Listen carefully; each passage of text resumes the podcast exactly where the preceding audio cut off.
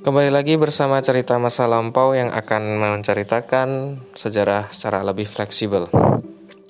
Jika kemarin kita telah membahas tentang bagaimana masuknya budaya India melalui jalur pernikahan, maka hari ini kita akan membahas budaya India melalui jalur uh, peperangan, di mana atau bisa kita sebut sebagai para tentara dan para pejabat negara yang menyebarkan agama Hindu atau kebudayaan India di Nusantara.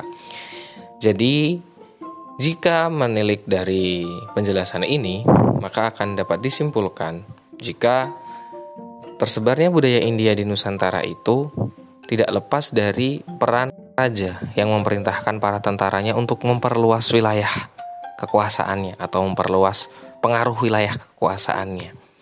Sehingga mau tidak mau ketika mereka berinteraksi dengan dunia baru atau dunia luar yang baru, mereka harus apa? Harus ya dalam artian menaklukkan daerah yang didatangi melalui jalan kekerasan.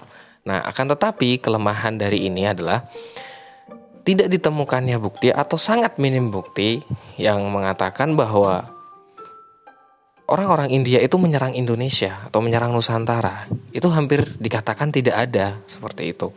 Ya meskipun para tentara dan para raja ini juga memiliki andil yang besar dalam penyebarannya, tapi jika dilihat dari e, tokoh utama penyebarannya, maka mereka seakan-akan tidak bisa dianggap sebagai tokoh utama dalam penyebaran agama ini atau budaya ini begitu. Akan tetapi ada hal yang menarik di mana para tentara atau golongan kesatria ini memiliki pengaruh yang sangat besar terutama di Nusantara. Karena banyak orang-orang yang setelah memeluk agama Hindu kemudian bergelar menjadi seorang ksatria yang akhirnya menjadi raja. Itu menurut pengetahuan saya. Jika ada kesalahan ya mohon untuk dibenarkan atau mohon untuk memberikan masukan. Nah, jalur peperangan ini, di jalur peperangan ini eh, tidak dianggap sebagai jalur utama dalam penyebaran agama Hindu dan Buddha di Nusantara, selain karena tidak ditemukannya bukti tadi, juga ditambah e, bukti yang lain bahwa sebetulnya interaksi antara masyarakat India dan Nusantara itu bukanlah interaksi dalam hal kekerasan, tapi interaksi yang saling menguntungkan. Jadi mereka itu berinteraksi secara lembut, secara biasa saja lah ya, bukan bukan interaksi yang konfrontatif. Artinya yang kolaboratif lah bisa disebut seperti itu. Sehingga secara tidak langsung juga membantah bahwa orang-orang India itu menyebarkan agama Islam di Nusantara itu melalui jalur peperangan. Seperti itu.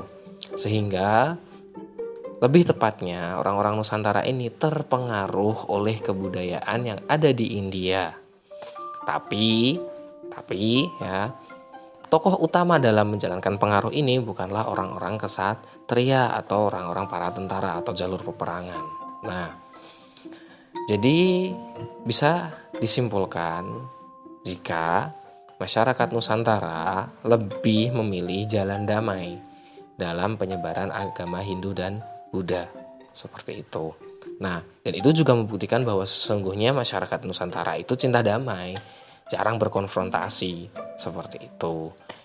Nah barulah ada kepentingan politik kepentingan politik di zaman dulu sampai zaman sekarang pun masyarakat Nusantara ya sebetulnya nggak begitu berkonflik akan tetapi kepentingan politik lah yang menyebabkan masyarakat di zaman dahulu berkonflik dengan masyarakat yang lain. Ya sekian dari saya terima kasih.